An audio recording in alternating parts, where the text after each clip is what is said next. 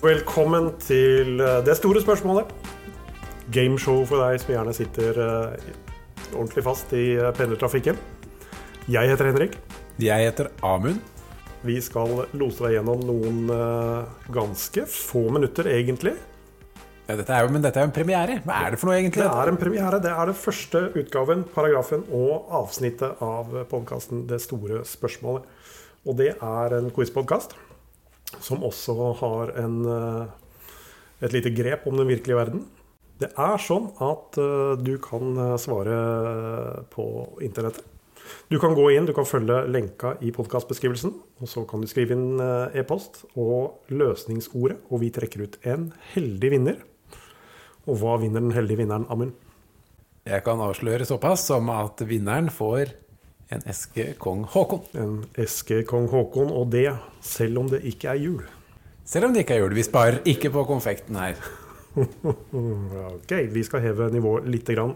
Men hvordan kommer du fram til løsningsordet? Du kommer fram til løsningsordet ved å ta forbokstaven, den første bokstaven, i hvert eneste svar. Og sammen så kommer du opp med et svarord, som er da svaret på det store spørsmålet. Skal vi fortelle litt om hvem vi er?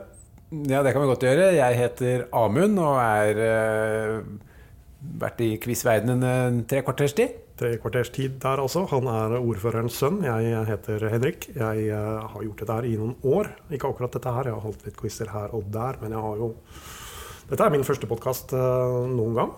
Ja, min også. Skal vi komme i gang? Vi kommer i gang. Er det noen regler? Ingen regler. Det er ingen regler. Jeg tenkte jeg skulle komme med en info-godbit, en liten oppvarming. Eh, fordi hva var det Her kommer vi fram til Kleopatra. Eh, Kleopatra lagde Hun var eh, en oppfinnsom sjel. Hun fylte en eh, kalebass med sinte bier. En kalebass? Hva er en kalebass? En kalebass er en form for, en form for ja, det er et slags gresskar. Tørka så får du en slags vasefunksjon, men hun fylte den med sinte bier. Men hva var det hun lagde? Hva hun lagde? Eh, nei, det var jo en bihule, da. Vi heva nivået litt. Det var ikke det hun lagde. Nei. Hun lagde verdens første fungerende, i hvert fall i en kort stund, verdens første vibrator. Uff da. Eller heldigvis. Jeg, og det, til dere der ute som hører på dette her nå, ikke, må ikke google dette her. Skal vi komme i gang med den ordentlige quizen? Vi kjører på. Jeg tror jeg går rett på spørsmålet igjen. Jeg. Det knaser i singel under en koksgrå BMW. Det skjedde ofte i detektimen Derrick. Hva heter tyskeren som spilte Derrick til fornavn? En uh, litt av en norgesvenn. En norgesvenn av de helt sjeldne. Han hadde hytte på Hamarøy. Han, han, han var i Nord-Norge på ferie hele tiden. Og litt av en uh, tysklandsvenn òg, som jeg skjønte. Han hadde også en eh, fortid i det mindre glamorøse SS. Det ga han en del trøbbel på tampen av karrieren, forståelig nok. Bare si det sånn at vi setter jo mer pris på Hamarøy enn vi gjør uh, SS. Ja, det vil jeg si. Helt klart. Helt klart. Altså forbokstaven i fornavnet til uh, tyskeren som spilte Derek.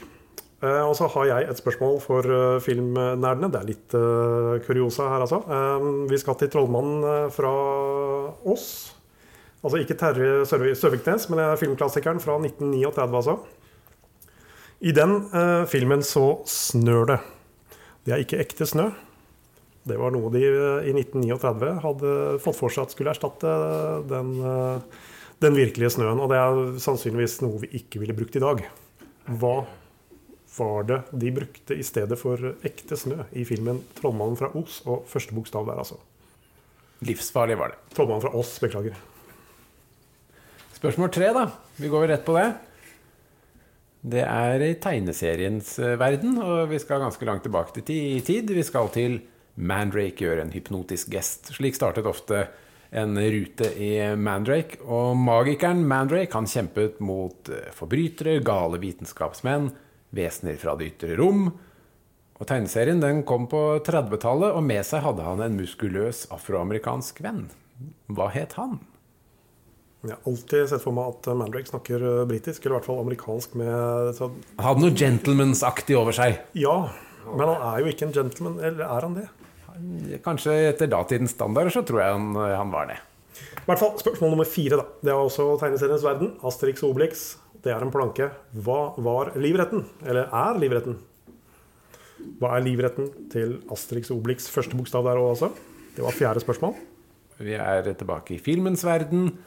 Vi skal fram til en skuespiller som har vunnet den såkalte Golden Raspberry. Det er en pris for dårligste mannlige skuespiller.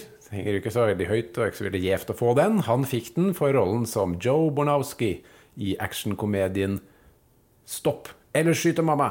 En ordentlig kalkun, mente de fleste kritikere, og kanskje også publikum. Han er nok bedre kjent for eh, sine andre litt tøffere roller. Men hva heter han? Og det, det jeg ikke får til å stemme, det er at du sier at han også har vunnet Oscar. Han har vunnet Oscar. Han har vunnet Oscar, men det er faktisk som manusforfatter. Det er eh, sportsspørsmål.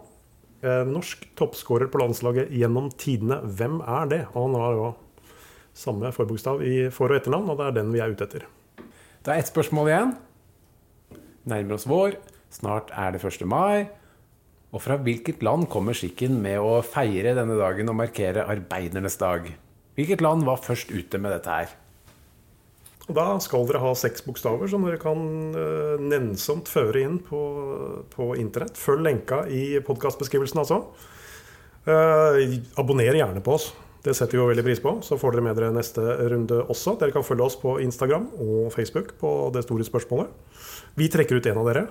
Det blir brask og bram og premieutdeling uh, neste podkast. Og dere har altså til 31. mars Ganske god tid, da. ganske god tid. Så ha en strålende dag på jobb, folkens. Takk for oss. Takk for oss.